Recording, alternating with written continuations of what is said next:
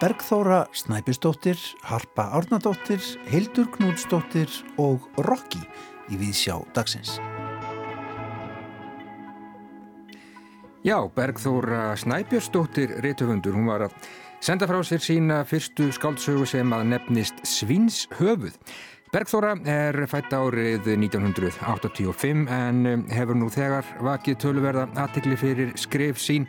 Bókennar Flórida frá árinu 2017 var til dæmis tilnæmt til íslensku bókmynda verðlunanna á sínum tíma Bergþóra verður gestur við sér í dag. Undir lokþáttar ætlum við að heimsækja hverfisgaleri við hverfisgötu og ræða við Hörpu Árnadóttur listmálara sem að þar sínir verk sín á síningu sem hún kallar Djúba Logn. Síningin er inspireruð af Arnarfyrði, þeim mikla fyrði. En bókvikunar að þessu sinni er skálsagan Ljónið eftir Hildi Knútsdóttur Þetta er fyrsta bók í þríleikum þrjár kynnslóðir kvenna og er næsta bókin í þessari röð Nordnin væntanleg í næstu viku. Ljónið er raunsæði saga úr samtímanum en líka dölbúin fantasía eins og höfundurinn Hildur Knútsdóttir orðar það. Við heyrum í Hildi í þættinum í dag. Og Snæbjörn Brynjarsson, leikúsrýnir, fjallar í dag um leikverkið Rokki eftir danska höfundin Tue Bjering sem að frumsýnt var í Tjarnabíói á förstu dag. Nýlegt átöluverk þar á ferð sem að vakti töluverða aðtryggli á síðasta ári fyrir að taka með frumlegum hætti á erfiðu málumni. Já, meira um það í þættinum í dag en eh, við höfum að byrja á bókmyndum.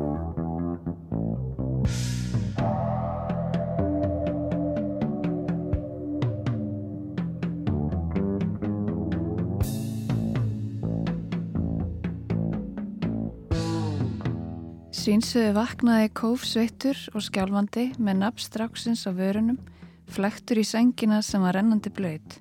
Hann pissaði undir. Hann þreyfa á lakinu undir sér, klófinu nærböksunum, alltaf blöyt, blöyt, blöyt. Helvíti stjöfull hann mýi á sig. Hann gæti ekki verið viss. Nú orðið var sama ammoníaglíktin um öllum vessum. Það var eitthvað sem lotti við hann allan, einhver tilfinning. Hann var ískaldur, hann var fullur af myrkri. Myrkrið rann kallt fram í fingurgómana. Hann tútnaði og bólgnaði undan myrkrinu eins og gummihanski undir vaskrana. Hann var ískaldur og bólgin. Hann reyndi að reysa sig við í raukur rúminu. Hann varði að komast í styrtu. Hvar var stafurinnars? Hann brannaði innan, meira en vanalega. Hvaðan kom þessi súri svarti bruni? Kínversk mæðgin koma til Íslands um miðjan tíunda áratug síðustu aldar og stopna fjölskyldu með aðal söguhetju, skrítnum, ofsafengnum, málvana manni sem gengur undir nafninu Svinshöfuð og hefur átt erfiða æfi. Nýja fjölskyldan á sér gamlar sorgir, sársökin liggur kynnslóða á milli eins og strengur.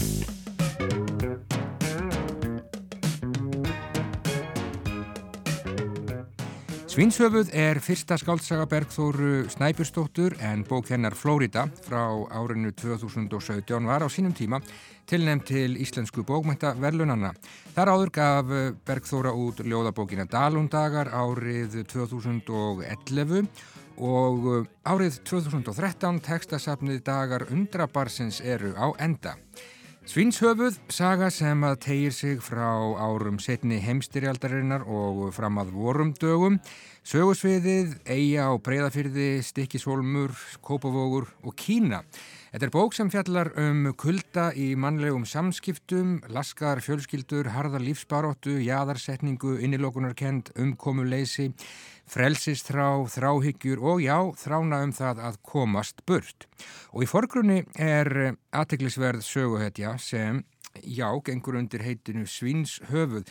Velkomin í Viðsjá, Bergþóra Snæpjustóttir og til hammingi með þessa bók. Þetta er já, saga sem að spannar langan tíma með mörgum personum, fjölskyldusaga, bókum það kannski að reyna að lifa af við erfiðar aðstæður og svo margt fleira. En segðu mér kannski bara aðeins til að byrja með, hvers konar náingi er þetta eiginlega sem þú ert að skrifa um Svinshöfuð?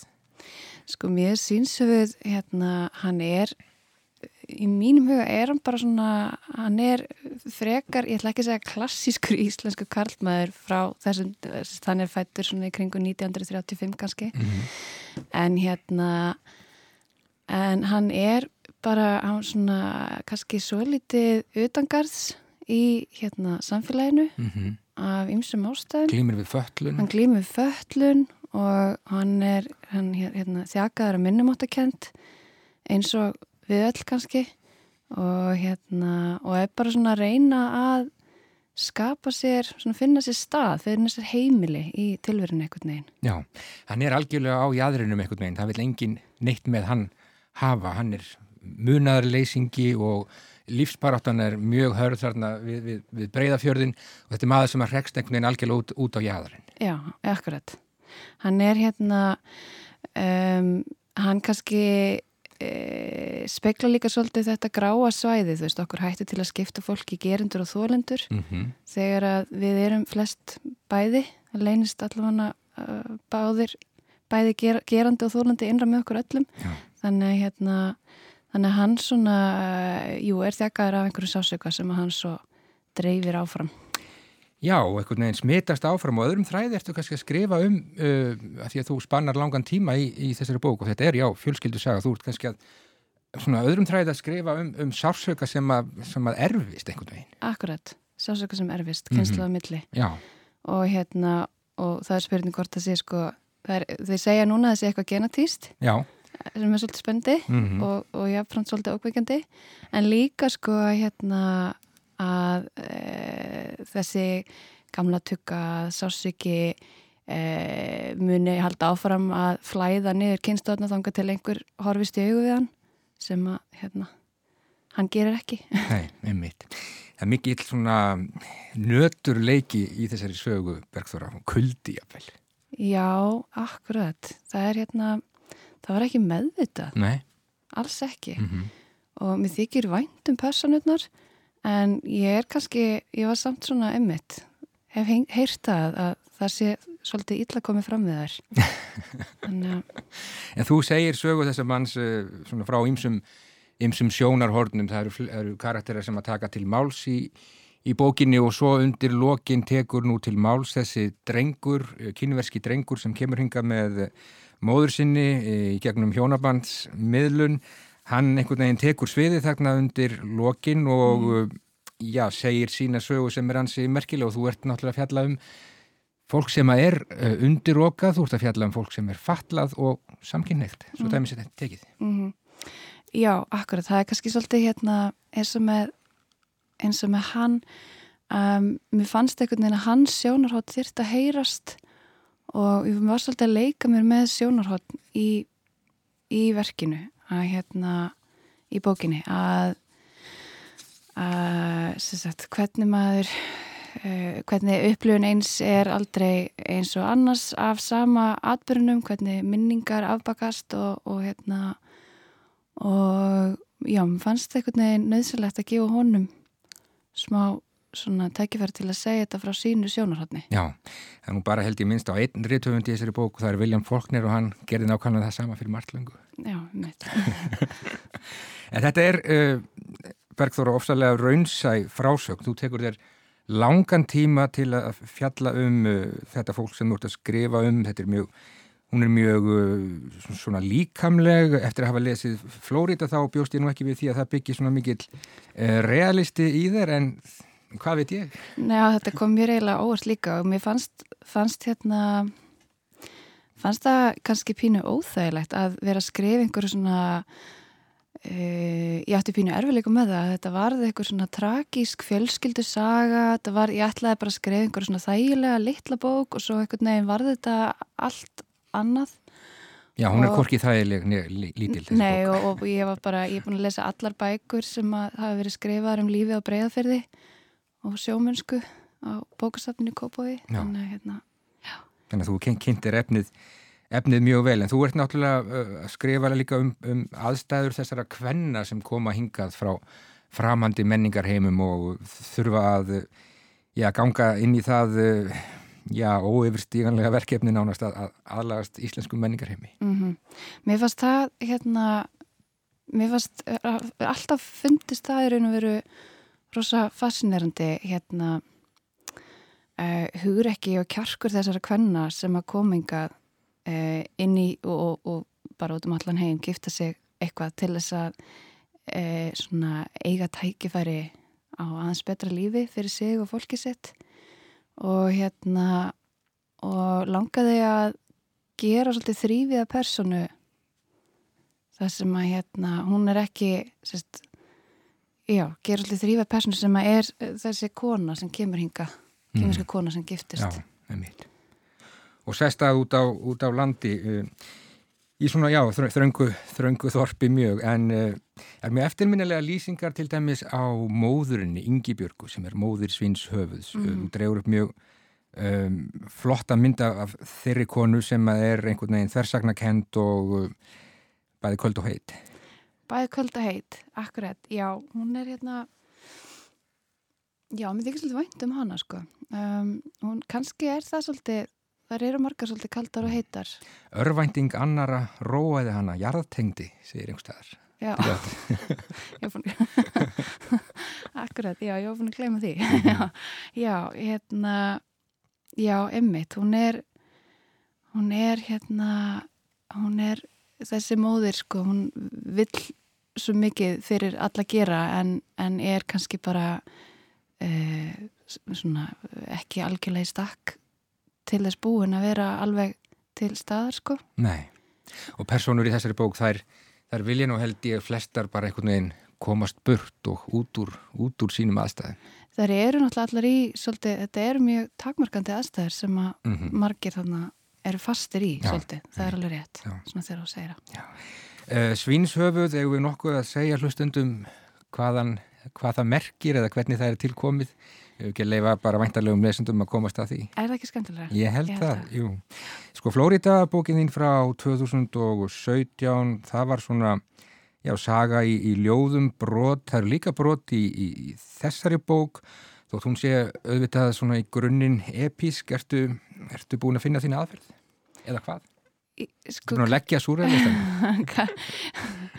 Kanski, kannski ekki. Ég hérna þetta er einhvern veginn, það er svona stökkbreytist kannski alltaf aðeins á milli bóka og svo fyrir maður kannski aftur tilbaka og gera eitthvað allt annað, ég veit, ég veit ekki en mér finnst þetta skemmtilegt sko að það henda mér ákveðlega að, að vinna með svona stutta stutt brot í einu. Já, um, já. Ná, einmitt.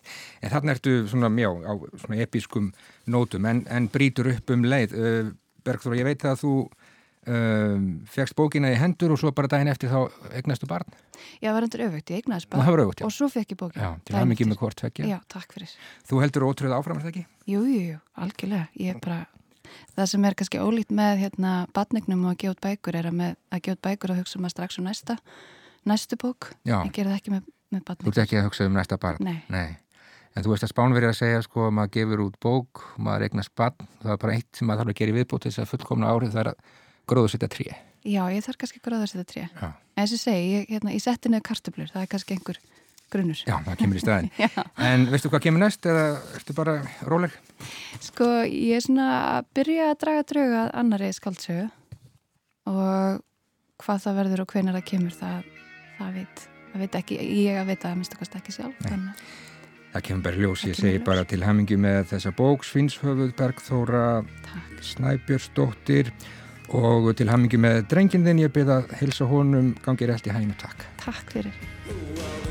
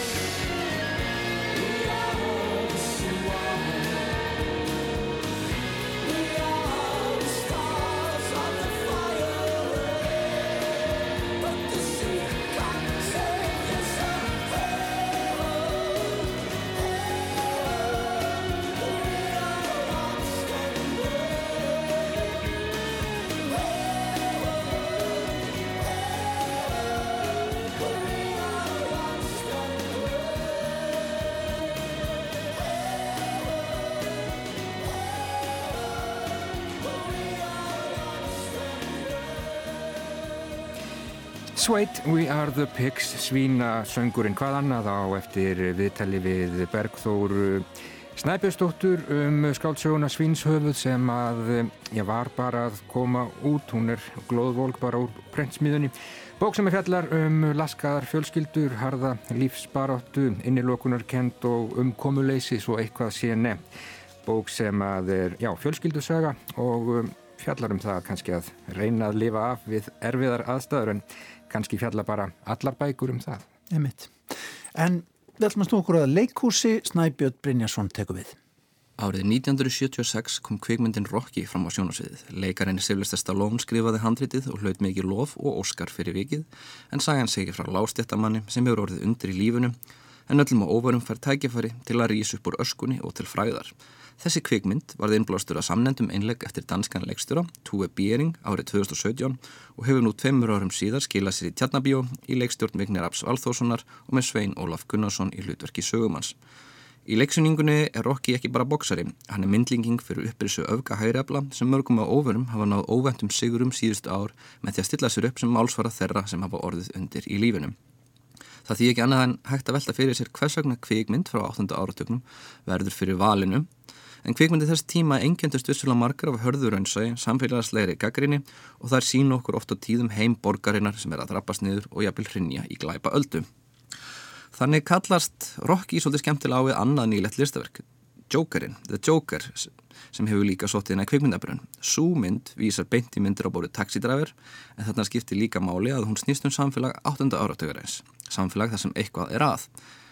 Á Þessum áttunda áratug byrjuðu stórar breytingar eiga sér staði í hagkjörum Vesturlanda. Lengstu hagasta tíð í söguð þeirra var að ljúka, oljuverð hækkaði, í austri opniðust nýjir markaðir þegar Nixon heimsótti Kína, en með því kom líka aukin samkefni. Í fyrsta sinn, síðan setni heimsturöldinu laug, byrjaðu aukin framleiðinni verkefólks ekki skila sér í vasa þess, heldur inn á bankareikninga í fjallægum Karibahafs eigum. Money heaven, eins og sumi myndu kallaða. Það er mitt líka á þessum tíma sem fyrst fyrir að bera að endur komu Ista Hærisins í pólitík Vesturlanda. Árið 1972 er Front National stopnað, öfgahæri flokkur sem hefur nú tösa sínum náði í setni umferð fransku fóstakostningana en hefur þrátt fyrir að stundum mæla stærsti eða næstasti flokku Fraklands aldrei náð í elituna, aldrei í ríkistjótt. Sama ár var stopnaður flokkurinn Fremskrittpartiet í Danmörkum sem fór svo land til hægri að þrátt fyrir stórsigur, rúm 15% í kostningum, þar sem nýstopnaður flokkurinn var svo næst destinn á þingi, þá þótt hann óbóðlegur aldrei bóðið í ríkistjón. Móins Glistrup stopnandi flokksins endaði í fangelsi fyrir skattsvík og flokkurinn sundraðist en eitt af brótunum var Dansk Folkeparti. Folkepartiet hefur heldur aldrei verið í ríkistjón en hefur náð meiri árangri, hefur varið nokkarar ríkistjónni falli gegn ímsum greiðum og mótað danska stjórnmálumröðum. Stopnandi flokksins Pia Kersgaard fór ekki í fangelsi. Hún var fórsetið þingsins og fekk þann heiður að halda ræða á þingvöllum á okkur fullöldis amali. Þar talaðum fjálglega um sann áraunni gildi, Danmörkur og Íslands. Flokkar eins og Fólkaparti, Front National og fleiri þjóðunni sinna flokkar eru stórir í gömlu versmiði bæjum og selja kjósundum ofta á sögu að flotta fólk og innflytjendur hafi stólið að þeim þeirra réttmæta sess í tilverinu. Þeir eru oft líka íaldsamir, lít hryfnir af frjálslindinu sem hefur aukist síðan 1970, auknum rétti trans, karla og kvenna, samkynheðra og ég byrð bara kvennfrelsi og að sjálfsögðu móttöku hælisleitanda. En hvað kæri hlustandi hefur þetta að gera með leiksýningan á Rocky sem fremsyndi í Tandabíu á síðasta fyrstu dag og vísar í samnenda kveikmynd frá árunni 1976. Til að átt okkur á því þurfum við hans að ræða höfunduverk Tue Bering og reynda líka vikni rafn og leikópans óskapötn og gjafinar. Ég heyrði fyrst að Tue Bering þegar ég las um Come on Bangladesh, Just Do It frá árunni 2006. Verki var ádela á alþjóðavæðinguna, hvernig stórfyrirtæki flýtir störf og landi til þess að spara pening og oft á tíðum komast upp með að misund að vinna að bli sitt í löndum þar sem ekki eru sumur staðlar um öryggi heilsu eða vinnutíma. Tue fór með leikritið Elvehói til Bangladesh, klassíst leikúsverk frá 19. öld eftir Jóhann Ludvig Heiberg, þjálfaði leikup þar í landi í sex vikur fyrir lágt tímakaup og fór svo með hópun upp á sviði Konglíja Teater í Kaupmannöfn. Aðspurður hvort hann þetta er siðilegt að greiða bangladesískum leikurum lagra kaupen dönskum svaraðan að við er ju alle sammen interesseret í að kunna gå í teatret bílega. Við viljum fara í ódýrt í leikúsið eftir allt saman. Og så bætti hann við Jeg synes Elverhøj, det er virkelig fælt patriotisk, nationalistisk på mange måder, og på ingen måder særlig godt skruet sammen. Derfor har jeg heller ikke haft kvæler med að outsource Elverhøj, tvært imod. Mér þykir álfóll ljóttverk, þjóðurnir sinnaða marga vegu og engan hátt vel saman skrúað. Hersna þótti mér ekki erfitt að outsourca það, þert að móti. Það er ótt að segja að Túi Bering séu pólitískur leikstóri, verk hans augra. Í einu þeirra, sem ég myndi segja að fari út fyrir síðgæðisrama íslensk leikus, fjallaðan um heim vændisins í Kaupmannöf með því að setja upp Pretty Woman og láta vændiskonur leika í staða leikvenna. Eins og Pretty Woman þá stiðist Rocky við gamla vinsela Hollywood mynd. Þið kannist flestur sögunum bóksaran. Hann er lástættamæður í borg sem er að drabbast niður og í þessari útgáfi er talsitt bættu baksöguna. Fadar hans vann á skipasmíðastöðu en var sagt upp þegar hægt var að framleiða skip í þessum heimsluta. Það er eitthvað rántu heiminn og heiðalegi menn eins og handrukkarinn Rocky eiga erfitt uppdráttar. En maður má ekki afskrifa hann strax. Þrátt fyrir að verið sé að íta Rocky til hliðar og innflytundur og minnlötu hópar að taka plásið hans, þá fær hann séns til að sanna sig í boksringnum þegar Apollo Creed, sjálfur heimsmeistarinn, ákveður að skora á hann. Og Rocky skorast ekki undan. Hann grýpur tækifæri sem mætur honum og kemur á óvart. Ekki ósipað Artur Fleck í Joker'num, wannabe grínista sem fær líka færi á að mæta heimsmeistara stand-upsins í lóksinnar kvikmyndar. En nú ég korki spilla mynd nýja leikverki. Saga Rocky verður að myndlíking fyrir upprisu þjóðnærspopulisma og Rocky að tákgerfing fyrir reyði kvítra kalla sem líður eins og þessi búin að missa sín stað í tilverunni. Sá sem segir söguna lýsi sjálfu sig sem mentamanni og hann verðist hafa samúð með Rocky en það þunn lína með þess að hafa samúð og líta niður á einhvern. Þetta stendur þó ekki í stað í verkinu. Hundur lokin er að Rocky með yfir hunduna og mentamadurinn komin á jæðarinn. Rockyarnir eru orðnir fleiri. Þeir eru orðnir eins og nasetningarnir í samnöndu verki í UNESCO sem er kannski hlut af innblæstriðin. Ég það minnst að líka eftir að lesa nasetningin sem sögum upprisu hættulegra þjóðurnis abla. Það dilstengum að Tue Bíring er að fjallum politist ástand í heimalandi sínu og hægur öfka. Undimaðurinn Rocky skorar á elituna og hefur sigur og elitan í þessum sviðsemi eru ekki hvítir karlar. Nei, þeir eru með Rocky liði. Elitan er svört, Apollo Creed, fjölmeðalfólkið sem er líst sem velmæntuðum svörtum korm í verkinu, það er elitan og þau verðskulda ekki sinn stall. Að setja kvikmynd frá 8. áratöknum í samengi við pólitík nútímans er mjög aðdeglisverð tilrönd. Hægri öfgar hafa verið í sókn á Vesturlundum og narratív hægri öfgar manna er að þeir standi fyrir hérna hunsuðu alþýðu, þeir séu Rocky, Ementa Elitan, Creed. Túi Býring sjálfur er fættur þremur árum áður að Rocky kom út árið 1973 sem mitt svo til að er árið sem hægri öfgar náði fyrsta sinn fótverstu á danska þinginum eftir að vera algjörlega utanvöldum frá lókum heimstyrjaldar. Eins gaman úr að vera sokkofn í ídalegri greiningu á sögulegt og félagslegt samhengi verksins þá er sannlega komin svo stund sem ég sem gaggarinn til verða að gefa mína skoðun á verkinu sjálfu. Sýningin þóttu mér óvennulega góð, jafnvel besta pólitíska ádela sem ég hef séð á svið á Íslandi síðan ég fór á söngleikin leg árið 2007. Ég veit ekki hversu mikið verki hefur við lagið að Íslandi, hvað fráveikinn frá dönsku sýninginu eru, en það er í sjálf þessar aukatrið. Sérstakt hrós finnst mér að megi gefa þeim óskubörnum ógjafunar fyrir að taka nýlegt danstverk og færa það engað heim. Styrkja kerfið okkar hvetur sjálfstæðileikopa aðela til frumsköpunar og kannski spurning hvort við ættum að hafa hliðstætt kerfið sem heiti þýðingastyrki og hvetur hópa til að líti út fyrir landsteinarna. En það er önnur spurning. Stofnarleikusin okkar eru ekki gerða, þau eru ekki að setja upp ný augrandi verk og hvoru leikustjórarna er sérlega æfintryggjart í vali á verkum svo vekt síðan orði kveðið. En að hinnum leikstjórunum, þetta er ekki fyrsta verki sem Vignir setur upp um þjóðnins populisma. Þau óskapöndin sett upp ágætis útgáfa bók Eiríks Örd Nordal, Ílsku, fyrir nokkur um árum til dæmis. Og Vignir Licht og Býring hefur gaman að því augra, draga upp myrka mynd af heiminum og manneskunum í honum og skjóta á samfélagið í kringu sig og mér þótti það að taka verst vel hjá honum í þetta sinn. Það væri hægt að horfa á verkið Rokki og bæði fyrirlita og halda með hægri öfgamannunum sem er svolítið spennandi, svolítið hættulegt. Eh, líkt og í Jokernum, nú fer ég aftur í þessa kveikmynd þegar ásækja það, fylgist við með hvítum karli verða undir í lífun á tímum vaksandi miskiptingar og fjölmenningar. En hvítakarlinum verður ekki haldið niðri. Hann rýs upp og leiðir fjöldarhefingu sem ætlar að leiðir þetta misrættið, mismunna réttu fólki. Þetta er vand með farið narrativ fyrir bæði bíómynd og leiksýningu, en það er eitthvað í tíðarandunum sem gera það verkum að listamenn sækja þangað í dag. Kanski eitthvað bergmál frá 8. áratöknum. Já, þetta hafði Snæbjörn Brynjarsson að segja um leiksýninguna Rocky sem að frumsýnd var í Tjarnarbíjói á förstu dag. Það er leikhópurinn Óskabörn Ógefunar sem að stendur að þessari síningu leikstjóri Vignir Raffn Valþórsson og leikari Sveitn Ólafur Gunnarsson. Sterk ádela í Tjarnarbíjói, segði Snæbjörn. En þá snúum við okkur að bókvikunar á rás 1 sem að þessu sinni er skaldsagan Ljónið eftir Hildi Knútsdóttur, fyrsta bók í þríleik um þrjár kynsluður hvenna og er næsta bókin Nordnin, væntanleg nú bara í næstu viku. Ljónið er raunsægisaga úr samtímanum en líka dölbúin fantasia eins og höfundurinn Hildur Knútsdóttir orða það. Hér eru fjórar vinkonur sem allar eru að byrja í MR í forgrunni en sögur úr fortíð fjölskyldna tveggja þeirra mynda spennandi undirtón í sögunni. Hildur Knútsdóttir hefur einbitt sér að bókum fyrir börn og ungmenni og er ljónið fymtaskaldsagan sem hún sendir frá sér, auk þess sem hún hefur skrifað tvær bækur um unglingstrákin Dotta með Þórdísi Gísladóttur. Jórun, hún ræðir nú við Hildi Knútsdóttur um þessa bók en eh, Hildur byrjar á því að lesa brot úr sjóni. Sólinn skein enn þegar kríja hraða sér heimi gegnum þingkoltin. En spórin voru léttar hún mynd eftir að þau hefur verið undarfarnar mánuði. Klukkan var að verða hálsjö og hún var að verða sein í mat. Hún fann matalegtina um leið og hún opnaði dyrnar. Hún hengdi af sér og heyri diskaglamur úr eldúsinu og slítur úr samtali.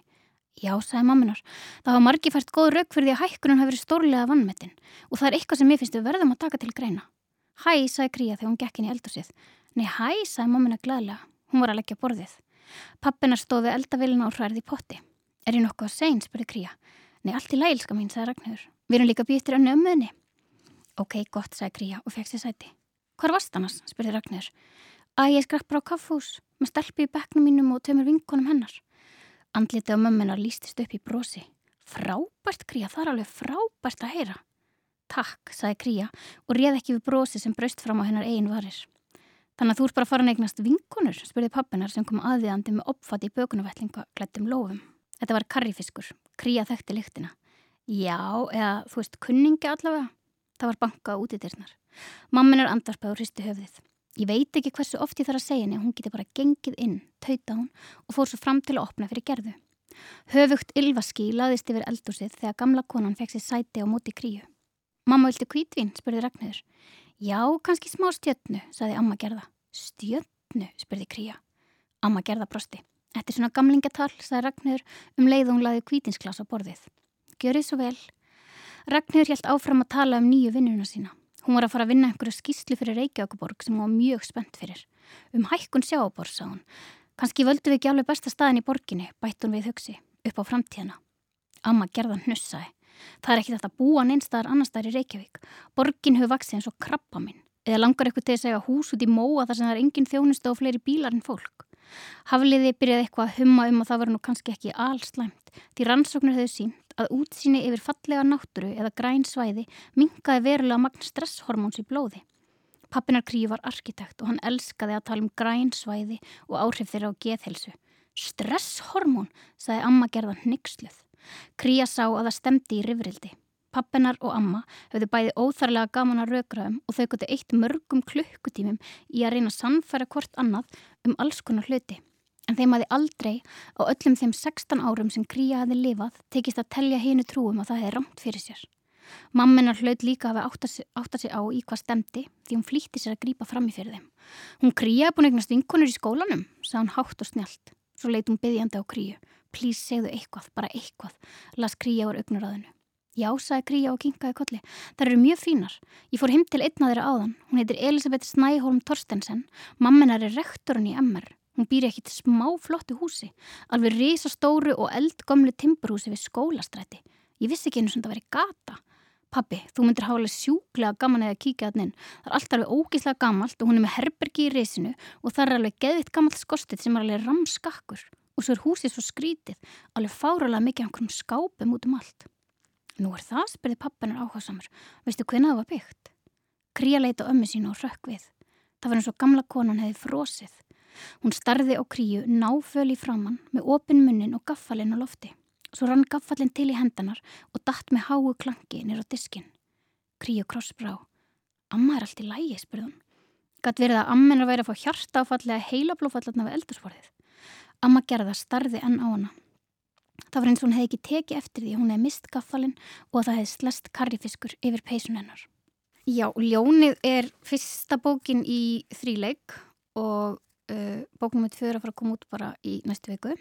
Og hérna hún fjallar sérst um uh, úlingstúlkuna Kríu sem er fluttir Reykjavíkur af því að það kom svolítið ræðilegt fyrir á Akureyri þannig að hún eiginlega svona rættist úr bænum. Ásamt fjölskyldu sinni. Ásamt fjölskyldu sinni, fóröldar hennar bara ákvaða að fara með hana. Þeir svona ákvaða að hún væri kannski eiginlega ekki líft þannig á Akureyri sem ég held að hafa kannski bara rétt mat. Og hérna, hún er sérst komin til Reykjavíkur og er að byrja í MR og svo kynist hún hérna stelpum og eiginlega svona henni að ofurum þá eignast hún góðar vinkonur. Og sérst svo besta heitir Elisabeth Snæholm Torstensen og er um svona mjög fínum reykjagur ættum og hún er með tvö ættanöfn og hún býr í einu af elsta húsinu í Reykjavík sem er alveg hús í skólastræti og þar finnur Elisabeth einn daginn um, faldan skáp sem einhver hefur mála yfir bara eins og hann hegi að vera falin og inn í því er skrín og það er mynd af stúlku sem er tekinn fyrir utan húsið. Og Elisabeth kemst að því að þetta sérst ömmisistrinnar sem að hvar sporlist þegar hún var úlingur um, árið 1938 og enginn í fjölskyldinni talar um og það er bara látið eins og hún aldrei verið til. Og þannig að þær ákveða að komast til bossi því hvað kom fyrir Silvíu Snæholm. Þetta sem þú lýsir þarna er einhvers konar rannsóknarsaga, glæpasaga en þetta er ekki síður saga um stelpur á mögulega stærsta tímabili manneskunar þar sem hún er á milli úlingsára og fullorðinsára og það er mér sér sagt á einum stað að aðalpersonan Kríja hún ætlaði núna að ákveða hvernig manneskja hún ætlaði að verða. En svo fjallar þessi bók líka, hún gerist ju ekki bara í okkar heimi, það eru þarna fleiri heimar og hún fjallar um fyrirgefningu. Mér langaði svona að fjalla svolítið um sko úlingsárin og svona mentaskóla tíman að því það er einhvern veginn, þetta er svona sá tím í lífinu þegar allir mögulegur eru opnir og á þessum árum fyrir við að einhvern veginn loka dýrum svolítið og ákveða hvað leir við ætlum að fara. Svo er þetta líka tími þar sem að vinir manns fara að skipta miklu meira máli heldur en fjölskyldan og svona persónlega þá eru svona kannski svona stormasumustu sambund sem ég hef átt það eru við vinkunum mínar á úlingsárunum mm. og einhvern veginn bæði rosalega nánd en svo svekkelsi verður svo mikið það slettist eitthvað upp á vinskapin sko. þetta er svona pínu ástaróður til bara úlingstúlkna vinkvenna sambanda af því þau eru mjög svona hlaðin en svo, eins og segir, þá er þetta líka snýstum sektarkend eða kannski það að finnast maður bera ábyrð á kannski einhverju sem maður ber ekkit endilega ábyrð á. Það getur ofta verið erfitt að vita hvað mann sjálfum að kenna og hvað er ykkur um öðrum að kenna. Það er þarna þessi saga ömmunar sem að mhm. tengist mm -hmm. húsinu og saga kríu sjálfrar á Akureyri. Já. Þar sem að máli snýst svolítið um að, að opna sig um hlutina. Segja hvað gerðist. Já. En ekki þegi yfir því. Einmitt. Það er alltaf betra að tala um hlutina hérna, og deila með ykkur um öðrum og, og reyna að létta byrðarnar en náttúrulega kannski eins og hérna, svo ég spóili svolítið sérst Amina Krí og hún hefur ekki þóra að tala um hlutina því hún bara vissum engin trúinni sko. um, en svo er það kannski líka þarna myna, þú, það eru líka náttúrulega börn sinna kynnslóða Byggjur þetta að einhverju leiti á einhverju raunverlu? Það er kannski meira bara svona stemmingin ég var sjálf í MR og eða þess að byrjaði þar og mér er lengi langa til að skrifa ykkur á bók sem gerist svona alveg í miðbannum og hverfist svona svolítið um hann og kannski líka bara svona veist, það að eiga einhvern veginn vinkonur sem maður er upptekin að og, og svona, en það er alls ekki neini svona beinir atbyrðir sem mm. eru teknir úr mínu lífi, sko. Þetta er mjög raunsæðislega saga mm -hmm. og ég mann þegar ég las hana fyrst að þá var ég daldi hissa af því að fyrri sögur þínar hafa verið í svolítið tilbúnum veruleika. Mm -hmm. og svo er náttúrulega þessi hliðar veruleiki hvar kom hann inn í? Hann var reyni bara kveikjan að sögunni. Ég sá, þetta hús á skólastræti var til sölu og ég var bara að skoða fastegnulsingar og skoða myndiræði og mér fannst þetta svo rosalega merkilegt hús og alls konar útskot og skrítnirskáp var og ég hugsaði bara hér getur eitthvað skrítið að gerst sko. Þannig kviknaði sagan, svo kom allt hitt einhvern veginn Eh, eftir á og í rauninni er þetta svona fantasía í döglagerfi af því að þetta er fantasía en það kannski kemur ekki alveg fram fyrir þarna alveg til lokin. En þetta er úlingabók, ungmennabók og þetta er bók um úlinga.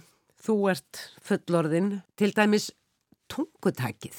Já, sko ég passa alltaf að láta úlinga lesa yfir fyrir mig og það er ofta alveg svona sárustu kom kommentin sem maður fær.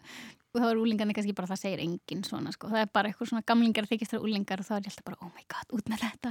En hins vegar þá passa ég mig líka á því að vera kannski ekki að hengja mér eitthvað sem er bara rosalega körrent sko, ég reynir kannski frekar eins og staðin fyrir að skrifa skil og ég bara skilabóð einhvern veginn og því að það er kannski eitthvað sem að lifir lengur sko. En mér finnst það að skipta miklu máli að fá yfirlestur.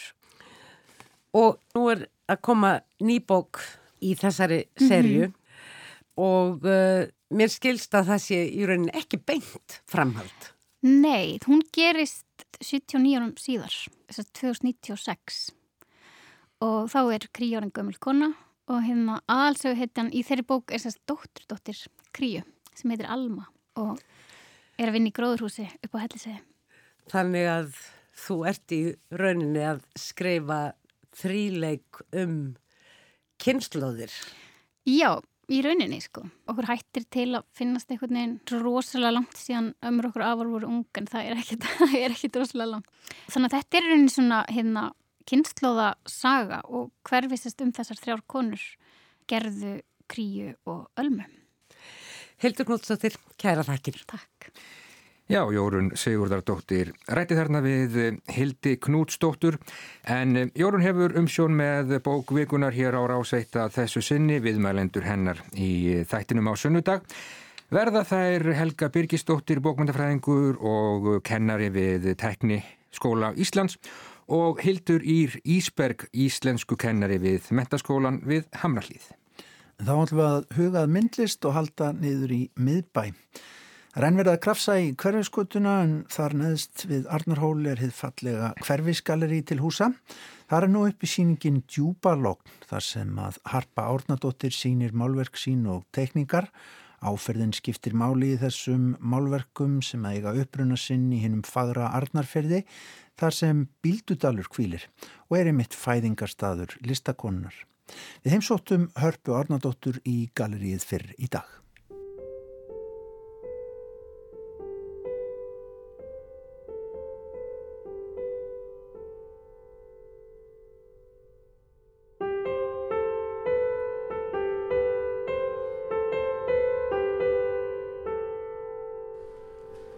Það er kannski alltaf óvennilegt að koma hérna inn á þessu síningu að einu leiti e af því að fyrsta verki sem tekur á mótum manni er einmitt ekki eftir þig heldur eftir Áskrím Jónsson.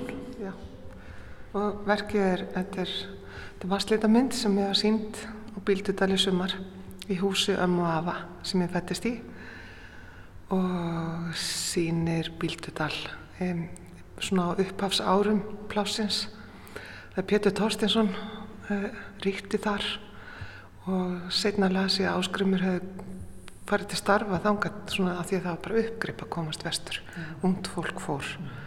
þangað og, og húsið sem amma mín og afi byggu í og Ólöf Bölsi náttaböld og ég fættist í það er það er einmitt frá þessum árum 1894 að 6 minni mig mm.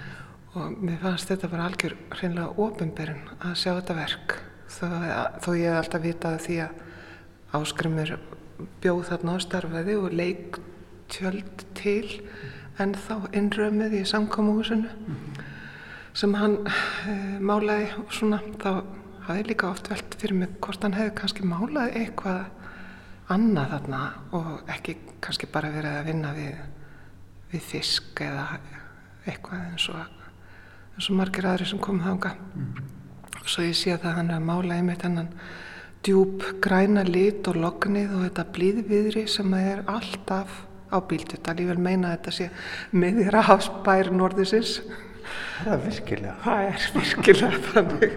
Og bara besti veitikastæður í heiminum sem að frændi minn á og reykur til dæmis. En hérna, það er, það er er nefnilega fjöllin eru svo há og það verður einhver ótrúlegu litur á hafinu mm.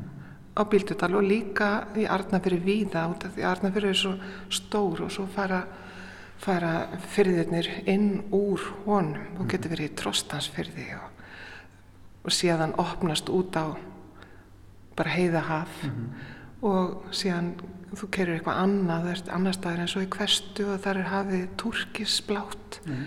og ég er bara alltaf einhvern veginn í tárum yfir fegurðinni þarna og ég vil meina, getur nú ekki bara verið út af því ég sé fætt þarna, maður er nú ekki svo mikil bjáni en það er bara að hafa augu og nota þig Ég hef bara einu sinni komið í Arnarfjörð og það var akkurat svona upplifun og ég alveg bara satt í manni og sýtur eiginlega enn í manni að hafa komið ánga á svona förum degi. En gaman að heyra, mm. að gleðu mig.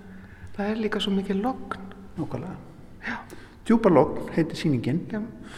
Og maður sér að þú ert að vinna alltaf með litina sem hún nefnir inn á milli þennan svona turkis lágræna einhvern og, og, hérna, og maður sér móta fyrir fjallslíðum og stundum hafi og fjöllum hérna líka í teikningum sem þú ert með Þetta eru alla frá Bíldudal. það er allar frá, bara séðar frá bíldidalli Já, og ég og unnar þar og líka mörg af þessum málverku sem er í hérna á síningunum núna, önninni sumar. Ég var svo heppin að fá, hafa vinnuðastöði í sumar. Geta verið þar bæði í júni og þá síndi ég reyndar einn síning sem var til bara á einni viku og síndi eina helgi, síndi með Valkari Gunnarsinni þá. Og svo var það liðið en ég gæti koma aftur í júli og águst og síðast í september og svo ljónheppin að fá lána Kaldabakka elsta hús plássins sem að frænka mín á og síðan gistuhúsi við höfnina sem hún á líka og svo bergstæði sem áður henni í. Og þar horfði ég á kvali út af fyrir því og hlustaði að æðakollunar þannig að ég vann á þremastöðum og ég er nú örgulega að gleyma einu og það er auðvitað heimili Kollu Frænku og Áka. Ég er svo heppin að var svo mikið af frændfólki, móðu fólki þarna fyrir vestan að, sem að opna svona já, Kalli frændi vinnuskúrin sinn og svo ýmislegt annað svona sem, að, sem ég get já, ég get unnið frá og bara opna dittnar og horst út á hafi svona stórkostlegt að því að svo er líka hús ömmu og afa en þá ég eigu móðubræðra minna. Og allt þetta goða fólk hjálpa til, ég á ekki sjálf hús þarna fyrir vestan. En þarf þess ekki. Það er hægt að sitja út á túnu og starra úr sér augun og fá skjóla á að til og gott að borða.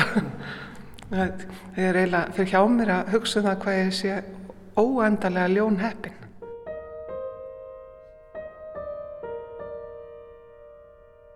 Mér skilst það að sé að einhver leiti þú veist að nota jafnvel eitthvað sem hafi gefur eða ekki? algjörlega. Hafkalk. Og það er, það er nú einn móðubróðurinn í viðbót Jörundur Garðarsson sem á hafkalk sem er til intöku til þess að styrkja bein og brjósk og ég veit nú ekki hvað og hvað og ég teka nú líka sjálf. En ég fekk fyrstu dolluna hjá honum fyrir mörgum árum ég man ekki hvort það var 2000, ég vel 2007 er ekki viss en, og hef notað það síðan því að ég hef verið að nota litaduft í verki mín frá því að ég var myndlist á handiðaskólinum ég gerði hérna hvít sprunguverk lengi og litaduftið það svona snýrist að mikið um einhverja pælingar fyrst um það hversu hvítiliturinn er e, mismunandi, kannski bleikur eða grár eða gulur í einhverju núansum og þetta var svona mikla pælingar einhvern veginn um það. Og svo fór ég að fikra mig hægt og síðandi aftur í að taka, já, að skoða annan lit. Og allt gerist þetta einhvern veginn þannig og svo var þetta bara algjör ofinberun og uppgötun að sjá það þetta hafkalk sem er unnið á staðnum, þetta eru kalkþörungar sem eru eins og um, kórallar og teknir í fyrðinum og unnir á staðnum og, um, og er náttúrulega bara eins reynd úr sjónum eins og hugsa skiptur og það er runni hægt að leiða einhvern litlum krökkum að sleikja málverki minn. Og þau myndi nú ekki vera að meinta því held ég, mætti sennilega bara borða þau En hvað gerir þetta við litin? Hvernig, hvernig blandast þetta saman? Þetta, þetta er sko duft, bara svona eins og hvert hann lita duft og ég bara notaði þannig. Að mér fannst þetta svo fallega mjúkur, e, grári litur og ég nota, e, já ég hugsaði fyrst og fremst þannig að hann er, hvernig, mér langaði að sjá hvernig hann kæmi út með hinnu litunum og svo fannst mér líka eitthvað heitlandi að taka e, náttúruefni sem kemur beint úr fyrðinum beint að hafsbotni hefur orðið til við, í hvað, nú er ég engi jarfræðingur eða sjáar lífræðingur en örgulega miljónir ára mm. og mala niður og notaði málverki mín. Mm. Nú er maður hérna á 2001. öldinni að mála málverk og mætti alveg spyrja sig til hvers heimurinn er fullir af málverkum en hversan þá ekki að já, að mála fjörðin með fyrðinum, það er líka heillandi líka þetta, þetta duft, það, það haga sér svolítið svona óreglulega eins og þessum hérna. Það er þetta, sérðu þetta er svona eiginlega eins og sandur. Þetta er gró já eins og sandpapir og stríðin verður bara tromma. Og svo nota ég hérna vasslitt með og þá var ég húsa með hann flösku græna lit sem var að fyrðinum og þetta, þetta verk heitir Arnafjörður eða þessu tvö saman hérna. En svo þessu til dæmis þetta er meira svona action painting kannski. Þetta er svona reyfingin en, en svo springur það. Það er svo mikið salt eða steinefni í því að það er svo gaman að nota líka hákalkið vegna þess að það það fagnar bara, þú veist, ég get bara gert málverk á milli þóta sem er stórkoslegt að því að massiðin gerir tekur svo ríkala langan tíma. Og svo farið eitt svona bara upp í hendurnar og verkið segir bara já, þetta, þetta er ég að segja þér núna. Og þá þarfstu bara að hlusta á verkið og harfa á það og segja já, allt er lagi. Bara framkallast. Það framkallast bara. Og á þess að ég hjálpaði bara einhvern veginn. Og það er það sem að gerist með þessu sprungu líka. Finnst áhugaverst, þetta er bara svona eins og náttúruna sjálfi eða vera niður í fjöru eða upp á fjöllum. Að þú ert bara að horfa og svo gerist þetta bynd fyrir framann augunadur.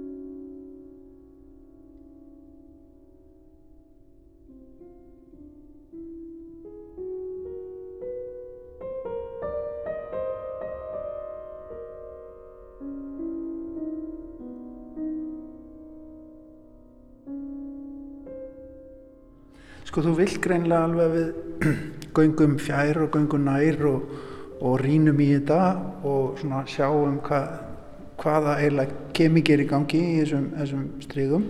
En þú ert líka hérna með litlar bækur, lítil bókverk sem að fylgja þessum teknikum eða er hérna undir þessum svona föl, fölu teknikum úr ferðinum frá Bíldudal. E, þetta viltu að við svona snertum á aðeins og skoðum og flettum. Já, ef, ef að fólk hefur þólumæði til þess þá, þá gleða það mér bara. En, en þetta eru svona ég, já, þetta eru bókverk. Ég lengi dúlað mér við að búa til bókverk og það koma oft teikningar í þau og, og já, eiginlega að teikna ástand með orðum myndi ég segja að kannski bara fæ ég ekki nóg bara við teikningarnar og held áfram í eða þetta er eitthvað svona, svona samtal mm -hmm. millir teikningarna eða millir málverkarna og, og stundum er þetta svolítið dagbókakent mm -hmm. bara fyrir sjálfa mig þegar að minna mig á hérna að e, ég hef búin að setja eitt lag í viðbóti á þetta málverk eða hvernig veðrið er í dag mm -hmm. eða svo framvegis um, hvort það er regn eða úði mér finnst ég um, í teikningunum að því að ég vann þær fyrir vestan. Mm. og það er svona að ná þessum þessu augnabliki þegar fjöllin allt í hennu byrtast og svo allt í hennu hverfið þegar komir rigning, kemur rigning og svo léttir þokunni og allt í hennu svona sigla þessi fjöll fram eins og langan þessi hérna. Það er hérna fyrir bara siglar allt í hennu fram eða koma sólstæður eða eitthvað og það er svo einhvers svo magist og það er einhvers konar svona þráhyggja hjá mér að reyna að ná þessum augnablikum þegar þú stendur og, og starir úr þér augun reynilega svo fær maður allt í hún að sjá einhver sporðaköst einhver, einhverja blástra. Ég hitti frænda mín í sömar ég var á gangi. Og þá sagði næstu búin að taka eftir kvalavöðinni sem er hérna og ég fór út á bergstöðum og satt bara allan daginn og horfði á kvalina og gæti nú ekki mikið unnið þann dag, þetta var svo stórkvæslegt. Alltaf að blása upp hvítum búlstrum og svo komið svona blákvít sporðaköst og svo hurfið þér. Það voru svona 7-10 í einu og þetta heyrir maður ekki neitt en manni finnst eins og maður heyri. Gerði hann eina kvala blástustekningu en hún er ekki með hér. ég held ég of feimin að sína hana. Ertu til ég að grýpa niður í eitthvað innan úr þessum bókum velja eins og eina og lega okkur aðeins að heyra hvað eins og eina hulleðingu. Þetta er svo mikið af þessi, já bara hérna þessum stendum, þessum hún er ofinn þessi hérna mm. stendur langir skuggar læðast niður fjallsliðarnar drukna í fjörðin. Um, fjörðurinn litaður af fjöllum í gleða og sorg. Enn er ég að fara hérna, horfist í augu við mig, eigin sögu og allt hitt alltaf erfitt að fara hérna æg, hvað þetta og, og svo kemur annað staðurinn hefur svona áhrif að vakna og sopna við fugglasöng og sofa hverki betur. Hús ömmu þarf ég ekki lengur er hægt að heimsækja það í draumum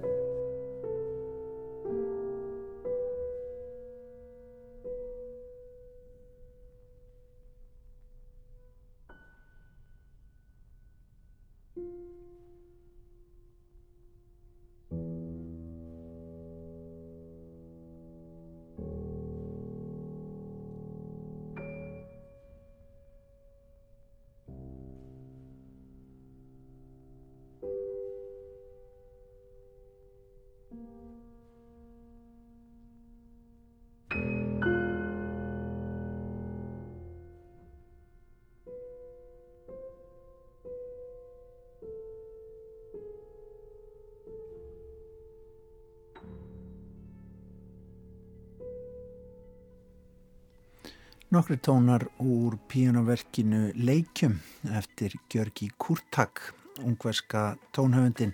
Þarna á eftir og innanum og saman við spjallokkar við Hörpu Arnardóttur sem að síni nú í hverfisgaleri við hverfiskötu. Síningin heitir Djúbalokn. Já og uh, einhvern veginn svona ætlum við að ljúka þessu í dag. Við verðum hér aftur uh, löst eftir klokkan fjögur á morgun. Takk fyrir að hlusta og verið sæl. Verið sæl.